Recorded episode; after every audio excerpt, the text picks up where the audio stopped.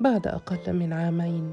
كانت أم ضيفة تشعر بلا مبالاة جديدة عليها من ناحية زوجها.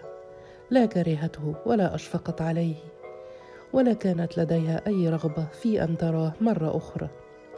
ولم يسأل عنها ولم يحاول استرجاعها وكأن بقاءها عند عمرو كان فرجا وفاتحة خير. ولم تزل تشعر بالحرج من البقاء في بيت زوج ابنتها إلى الأبد.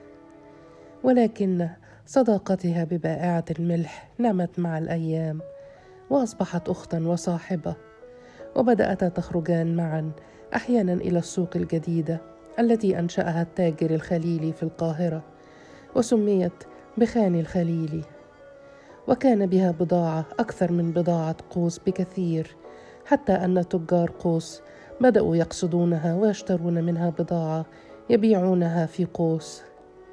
وفي السوق. كانت المرأتان تتسامران وتضحكان وتأكلان الحلوى. وتشاهدان المارة في الوكالة والساحة الكبيرة. وبعد بضعة أيام قررت العجوزان الحبشية واليمنية الهجرة إلى القاهرة لأسباب عديدة. أهمها أنهما تفتقدان ضيفة ولا تستطيعان العيش بعيدا عنها. ومن بين الأسباب الحزينة وفاة الضباع قتلا على يد أهل قوس. وهذا أدخل اليأس في قلب مريم العجوز.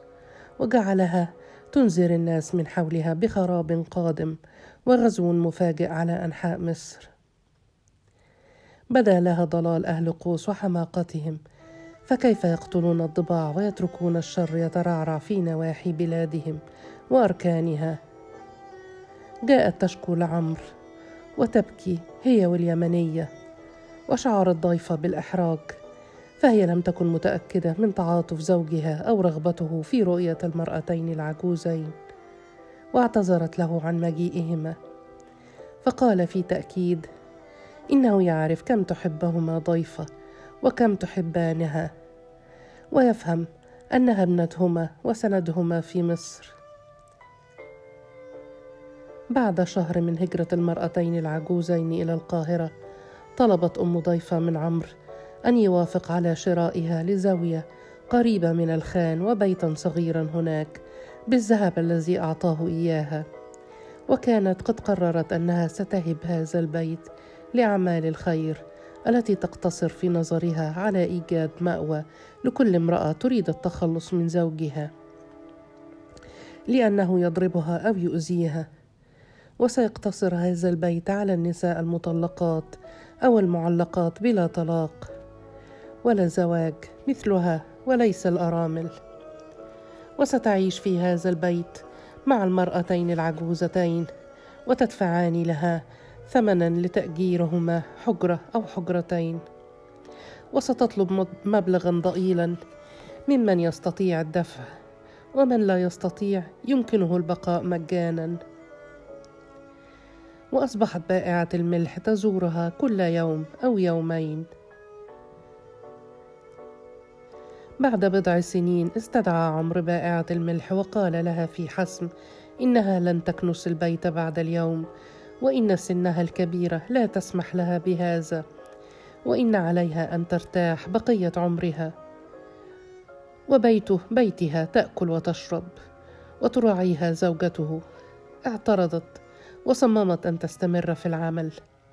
ولكن آلام ظهرها كانت تجعل التحرك صعبا عليها. وصممت ضيفه أن تجهز لها الطعام بنفسها. ذهبت بائعة الملح إلى عمرو يوما وقالت في حسم يبدو لي أنني لم أوفي بوعدي. ووفيت انت بعهدك ووعدك. قال في قوة بل وفيت به سنين وهذا يكفي. أحررك من أي وعد. نظرت إليه برهة ثم قالت أنت رجل طيب ورزقك الله بزوجة صالحة والله هو الحافظ. كنت أريد أن أحميك من أي شر ولكن يبدو أن مرضي وسني سيقفان حائلا دون ذلك. ابتسم وقال تحمينني؟ فقالت بالطبع كنت أحميك يا عمرو. الحماية ليست بالسيوف والحصون والقلاع بل بالقلب والنية الطيبة والدعاء. لا تظن أنني لم أحمك. ردد عمرو. لم تقولي هذا من قبل. فقالت كنت قاضيا وكنت شيخا بالنسبة لي وأصبحت ابنا وسندا. ما أشعر به ناحيتك مختلف. حنان وحماية لا تشعر بها سوى أم لابنها. ثم فتحت ذراعيها فنظر إليها في ذهول وقالت تعال هنا أريد أن أضمك إلى صدري. مرة ربما ثم أرحل. تردد برهة وقال ترحلين إلى أين؟ فقالت إلى بيت أم ضيفة. أصبحت أختا وصديقة وهي سترعاني. لم يتحرك ولم يتوقع طلبها. فشدته إليها وضمته وقالت هيا يا بني. ثم ربطت على كتفه وقالت فليحفظك الله دوما. ثم مسحت دمعة خرجت من إحدى عينيها وقامت في بطء فسندها بذراعه وقالت في هذا الزمن تختلط الحقائق وتضيع الحقوق وتنتشر الريبه ويفقد الفقير السند والثقة. وجود رجل مثلك كظهر نجمة الشمال في صحراء القاهرة يرشد ويهدي الناس والنفس التائهة في سلامة الله. رحلت أم حسن إلى بيت أم ضيفة. عاشت فيه عاما ثم ماتت في صمت ولم يحضر جنازتها سوى عمرو وبعض طلابه. عاشت أم ضيفة مع مريم وزبيدة في البيت الجديد وانضمت لهم الواحدة تلو الأخرى. وقضين أيامهن في سرد الحكايات عن قسوة الرجال وصبر النساء وامتلأت الزاوية بالصوفيات والحافظات للحديث. وازدهرت تجارة المرأتين العجوزين في القاهرة. أما الولدان أحمد وحسين فزوجهما عمرو بعد بضع سنين وعاشا معه في بيته مع زوجيتهما زوجتيهما حتى قرر الولدان الانتقال إلى سكن مستقل. بعد استحالة العيش مع ضيفة وزوجتي أحمد وحسين زوجة أحمد كانت تكره ضيفة منذ البداية وتراها غريبة الأطوار وساحرة ربما أو ممسوسة ولونها الداكن جعل كرهها أسهل والشك في نواياها مستساغا وعدم, وعدم مبالاة ضيفة برأي الآخرين من نساء أو رجال كان له وقع ضرب رقاب. أعلنت الحرب إذن بتحدي. كانت تقول لزوجها إن ضيفة ليست بارعة الجمال كما يظن بعض الناس وكما تتصرف هي في نفسها وإنها تسحر لأبيهم وتشربه مشروبا ممزوجا به بشر الجان كل يوم وإن حب الشيخ لها ما هو إلا نتيجة لتعاملها مع الجني الذي يأتي لها كل يوم في صورة كلب بري وقط متوحش. اسكتها زوجها في صرامة ولكنها استمرت في هذا الكلام وعقلها مشغول بضيفه دون العالم.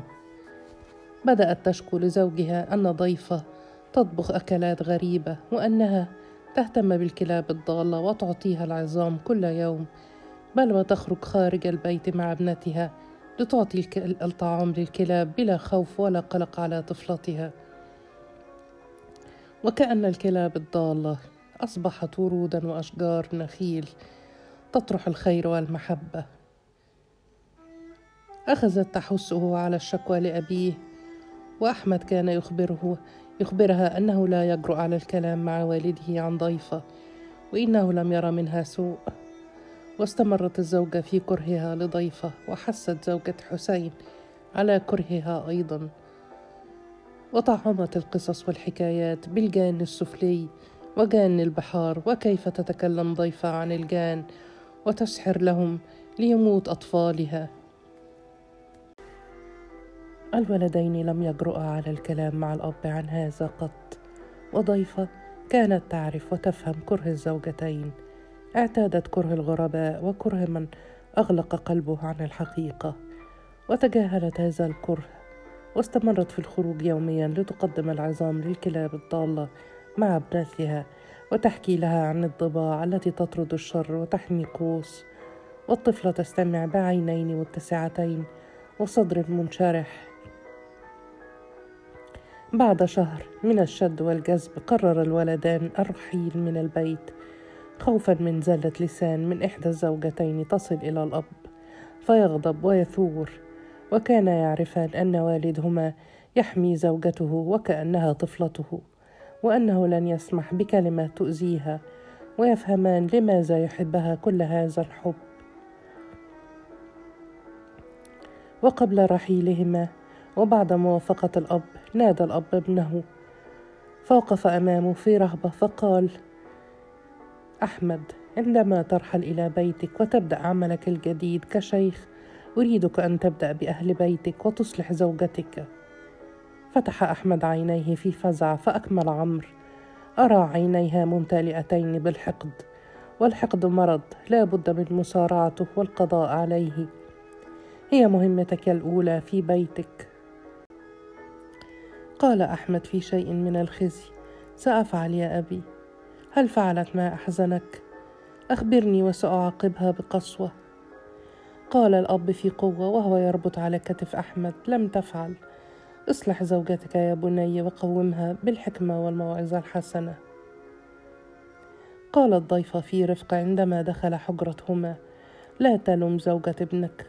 كل الناس ترى أن أفعالي مخيفة مع أنني لا أؤذي أحد أبدا. ابتسم في تهكم ثم قال هي أفعال غريبة ولكنها ليست مخيفة. قالت تعرف يا عمرو لما يكره الناس الحيوانات البرية؟ لأنهم لا يستطيعون السيطرة عليها وإخضاعها لأنها حرة أبية تأبى العبودية حتى ولو من أجل الطعام والأمان. الإنسان يعرف أن هذه الحيوانات تتفوق عليه فيكرهها ويعرف أنها لا تتبع قواعده القاسية فيحسدها. ويرى الكرامة في عينيها فتتحدى إرادته وتهزمه قال في تأمل وهو ينظر إلى عينيها وكأنك تتكلمين عن نفسك. قالت مسرعة بل عن وحوش الصحراء. قاطعها ولكنك أجمل بكثير من الضباع. أعتقد أن زوجة أحمد كانت تغار من جمالك. طأطأت رأسها فقال معها حق. لم أستطع أن أدير عيني عنك. وأنا العالم ببواطن الأمور منذ أول لحظة رأيتك فيها. قالت في تردد لو كنت تفضل أن أمتنع عن إعطاء الحيوانات الطعام مع فاطمة فلن أفعل.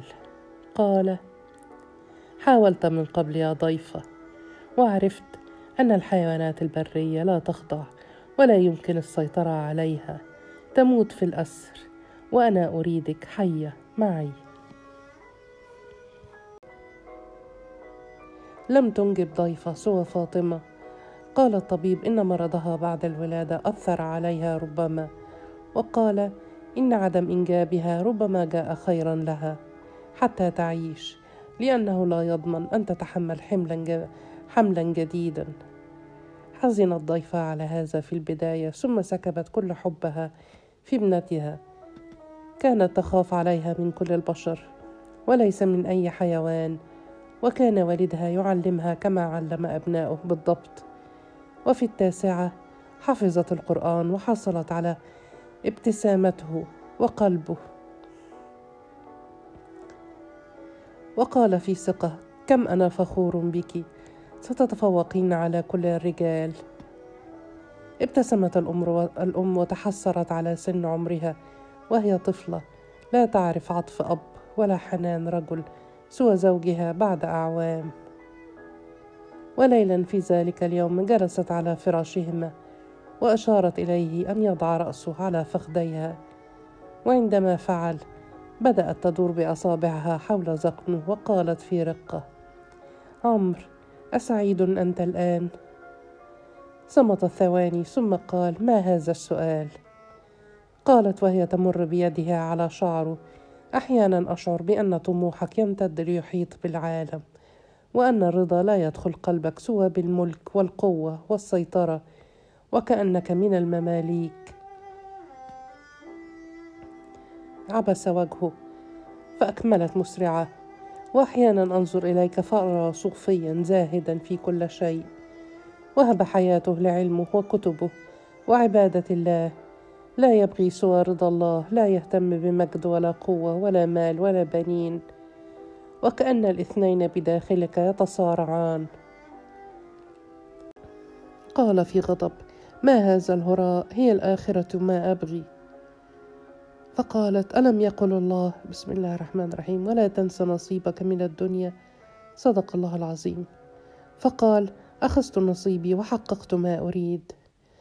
فسألته أراض أنت وسعيد الآن؟ قال في حسب راض وسعيد طالما الله راض عني. أمسكت بيده وقبلتها وقالت اعذرني أحيانا أقرأ نفسك بلا خجل ولا تردد.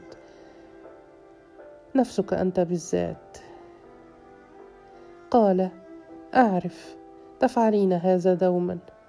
قالت ولم تزل تحبني؟ فقال تقرأين نفسي ماذا تقول لك؟ فقالت تقول أن الشيخ عمرو بن أحمد بن عبد الكريم يتسم بالعناد ولا يتزحزح عن رأيه أبدا وأن الحب تعنت وطغيان وعناد. وإنه سيطر عليك منذ زمن ولا فرار منه لا تتغير بسهولة يا شيخ. فقال ألن تقولي لي يا مولاي؟ قالت أشعر بأنك الآن الشيخ. سأقولها عندما أشعر بأنك القاضي.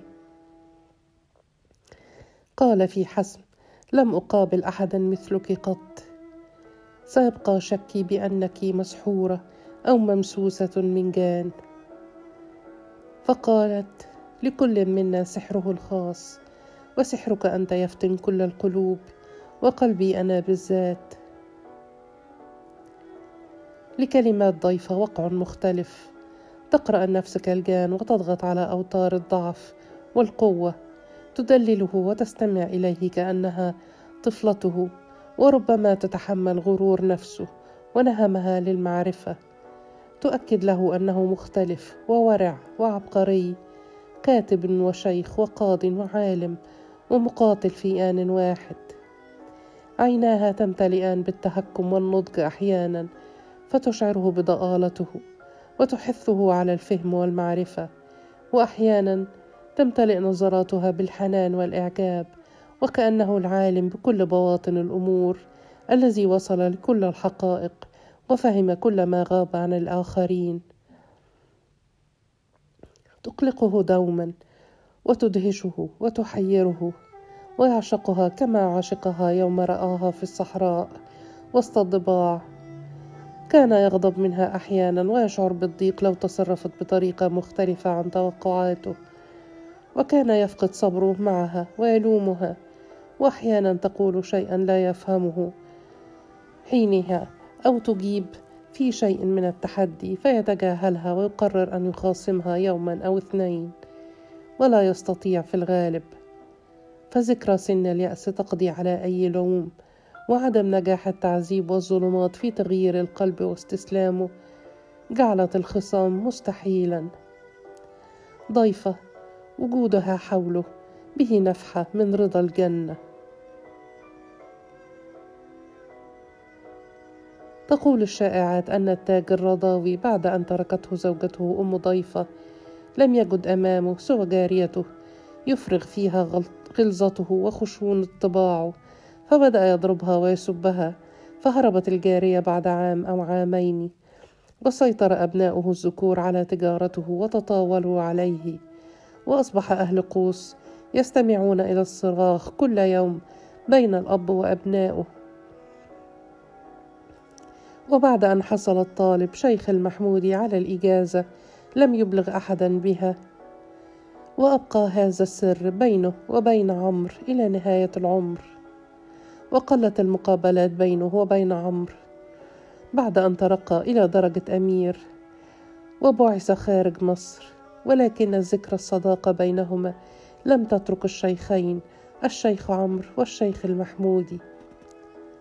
انقطعت الصلة بين عمرو وبرقوق انقطاعا تاما مدة تسعة أعوام أو ثمانية حتى جاءه حارس من السلطان بأن السلطان يريده في شيء مهم اليوم وليس غدا. بدا القلق على ولديه وزوجته ولكنه لم يكن قلقا وكان يعرف لماذا يريده السلطان. عند الدخول إلى قصر السلطان استقبله شيخ المحمودي بملابس الأمراء ولكن بنفس الإحترام والهيبة. وطأطأ رأسه وهو يصافحه. ووضع يد عمرو على جبهته وقال اللقاء بك يسعدني دوما يا شيخ عمرو. سامحني لو قصرت. لم أكن في مصر كما تعرف. ابتسم عمرو وقال بل لقائي بك يعطيني الأمل في المماليك في وقت لا توجد ثقة بيني وبين الأمراء كما تعرف. ثم نظر عمرو حوله وأكمل سوى أنت. أنت أمير مختلف وطالب علم. ثم أكمل. السلطان ليس بخير. قال شيخ المحمودي في تجهم ليس بخير. هز رأسه في شيء من الشجن وذكريات السجن عاما أو ما يقرب بينه وبين برقوق. تعود وتجرف كل ضغينة وغضب. دخل على السلطان ورأى أولاده وزوجاته حوله. أشار السلطان بيديه ليصرف الحضور ثم قال في صوت ضعيف وهو مستلق على ظهره عمرو كم أفتقد مجالسنا في السجن؟ ابتسم عمرو وربط على ذراعه قائلا مولاي سيكون بخير إن شاء الله. فقال بل هي النهاية. أشم رائحتها. للموت رائحة قوية تعم المكان. يوم يفر المرء من أخيه وأمه وأبيه؟ وصاحبته وبنيه. للحكم سطوة على النفس تجعلك تقرأ أيضا من صاحبك وبنيك. أتعرف ماذا أبغي الآن؟ قال عمرو في صوت خافت. رمان بالزيت والسكر. فسأله كيف عرفت؟ فقال هي أيام قضيناها معا. وأعرف كل منا الآخر عن ظهر قلب. فسأله لم تزل غاضبا مني؟ فقال لا جدوى من الغضب. فسأله تقصد لا جدوى من الغضب وقت الموت؟ فقال هي أيام نقضيها في غضب وشوق تنتهي سريعا. قال في صوت ضعيف أتيت بك اليوم بالذات لأسألك ما إذا كنت سأدخل الجنة أم النار؟ أنت تعرف. فقال عمرو مولاي يعرف أنني لا أعرف. فقال قرأت وفهمت. أعطني الإجابة قبل أن أسمعها بعد قليل لأكون مستعدا للامتحان. فقال هو امتحان لم نره من قبل ولا يعرف إجابته أحد. تأتي أسئلته غير متوقعة. مرت علينا ربما ولم نلحظها في غفوتنا. وعندما نجيب نجتهد ولا علم لنا بالنتيجة بل نتبع الدلائل ونحاول النجاة ولكل منا شأن يغنيه يا مولاي.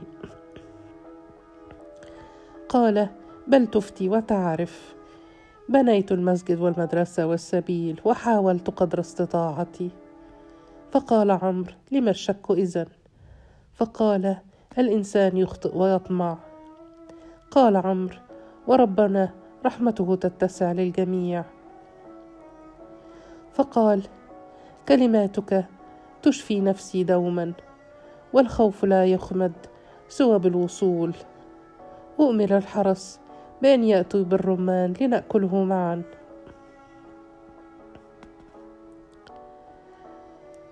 ماتت مريم وبعدها بعام زبيدة. ولم تعرف أن نبوءتها بالشؤم ستتحقق وأن الشام ستقع في يد المغول وأن العلماء في مصر يعرفون أن مصيرها على يد تيمور الهلاك قادم لا محالة. مدى لضيفة لأول وهلة أن قتل الضباع كان نزير شؤم وأن الأيام القادمة ستزداد سوءا. وشكرت الله أن زوجها بلا منصب يخاف عليه ولكن ذبح العلماء جائز وممكن على يد المغول.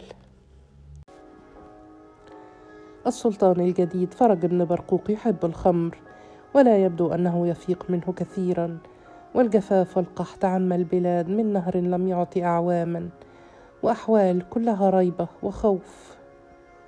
خاف الضيف على ابنتها الوحيدة أصبح العمر بلا طعم وانتظار الموت مؤكد. أغلقت عليها حجرة في البيت ومنعتها من الخروج. فالأمراض تملأ القاهرة وخطف الأطفال والكبار وبيعهم أصبح حقيقة يومية. لامها زوجها على خوفها الزائد ولكنها لم تبالي ولم تسمع له. جاءه يوما زائرا كان ينتظره سيدي سنين وألهتهم الدنيا عن التزاور. عبد الرحمن بن خلدون أكلا معا وجلسا ساعات وقال ابن خلدون في حسرة سقوط الشام يعني سقوط مصر منذ الأزل والمصير بينهما متشابك. تيمور مسلم ولكن لا دين يشفع وقت الحروب كما تعرف ألم أقل لك؟ قال عمرو في تأكيد تحتاج مصر إلى السلطان القوي كبرقوق ربما ولكن أتمنى أن يأتي سلطان أكثر ورعا وأقل تحملا للفساد. ابتسم ابن خلدون ثم قال لا ورع يقف أمام سطوة الملك وسحر القوة. كيف حال كتبك؟ أتكتب يا عمرو؟ صيتك يصل إلي وطلابك يعرفون الكثير. ومصر تبث الروح في العلماء لا بد أن تكتب. قال عمرو أحاول. فقال هو عصر كله قلق وخوف والإجتهاد فيه واجب ولازم. بعد وحدة نفسي وهزيمتها أصبحت أكتب عن البشر. الآن أكتب عن أحوال الناس وأفهمهم فهم الباقون دوما. أما الملوك فيزولون زوال الملك وزوال العمر. قال عمرو في تأكيد قرأت كتبك وكأن حزنك وفقدك لا يزيدانك إلا ابتكارا ومعرفة. فقال هكذا هو الفقد دوما. ما تعلمته طوال سبعين عاما. حاولت أن أعبر عنه في كتبي. يا عمرو التاريخ ليس قصصا وحكايات عن حاكم طاغي وآخر مخلص. التاريخ عن الناس. عندما يهتم العالم بالناس يحكي عن الحاكم والسلطان بوصفهما بشرين. يصبح التاريخ طريقة للفهم. لكل البشر أنماط وقواعد ولكل عمران طريقة للتحليل والفهم. لو اتبعنا الطريق العلمي لفهمنا أن التاريخ يكرر نفسه وعرفنا ما سيحدث في المستقبل لنتنبأ بالمستقبل. لا بد من فهم الحاضر من خلال فهم أنماط البشر. وكيف يتخذ الحاكم قراراته؟ وما الذي يعطيه القوة؟ وما الذي يضعفه أو يخيفه؟ التأمل العلمي مهم والربط بين الأعراف والأرض والعمران والناس ضروري. رجل الدين لا بد ألا يهتم فقط بكتب الدين والفقه بل بالبشر ليستطيع أن يحكم بين الناس بالعدل ويعرف أسباب الظلم والفساد ونتائجهما. كانت هذه آخر مرة يرى فيها ابن خلدون. مات بعدها. وخرج المغول من الشام وقتل السلطان فرج بن برقوق بعد وقت في الشام. لم يتضح من قتله ولكن ما اتضح أن عائلة برقوق لن تحكم لن تحكم وأن ابن الناس القادم لن يتقبله المماليك وأن قوة المقاتل هي التي تستطيع الإبقاء على مصر والشام. فانتظر المصريون المقاتل القادم والمملوك المنقذ. أسيكون شركسيا أم تركيا؟ أسيفرض المكوس ثم يوزع الحلوى أم سيوزع الحلوى ثم يفرض المكوس؟ أي جنون سيتحملونه بعد فرج أشيع أن الزبيب اختفى من أسواق القاهرة بسبب فرج ولكنه انتصر على المغول في النهاية وأنقذ العلماء وأهل مصر. ظهر الهلال واضحا وجاء المنقذ من المماليك. مقاتل ومحارب يعرف معنى التضحية والموت في سبيل الله والبلاد. من انتصر بجنوده على المغول؟ المؤيد أبو النصر شيخ المحمودي.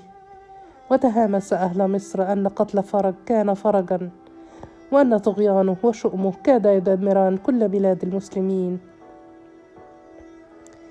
إن كان قتله شيخ المحمود فنعم ما فعل. ربما قتله من يدري. أليس عادة المماليك أن يقتل الكثير منهم السلاطين ويستمر القوي منهم فقط؟ كان لابد أن يحكم مصر من يستحقها. اختفى القحط وهدأت النفوس وتزوجت ابن الضيفة من أحد طلاب والدها.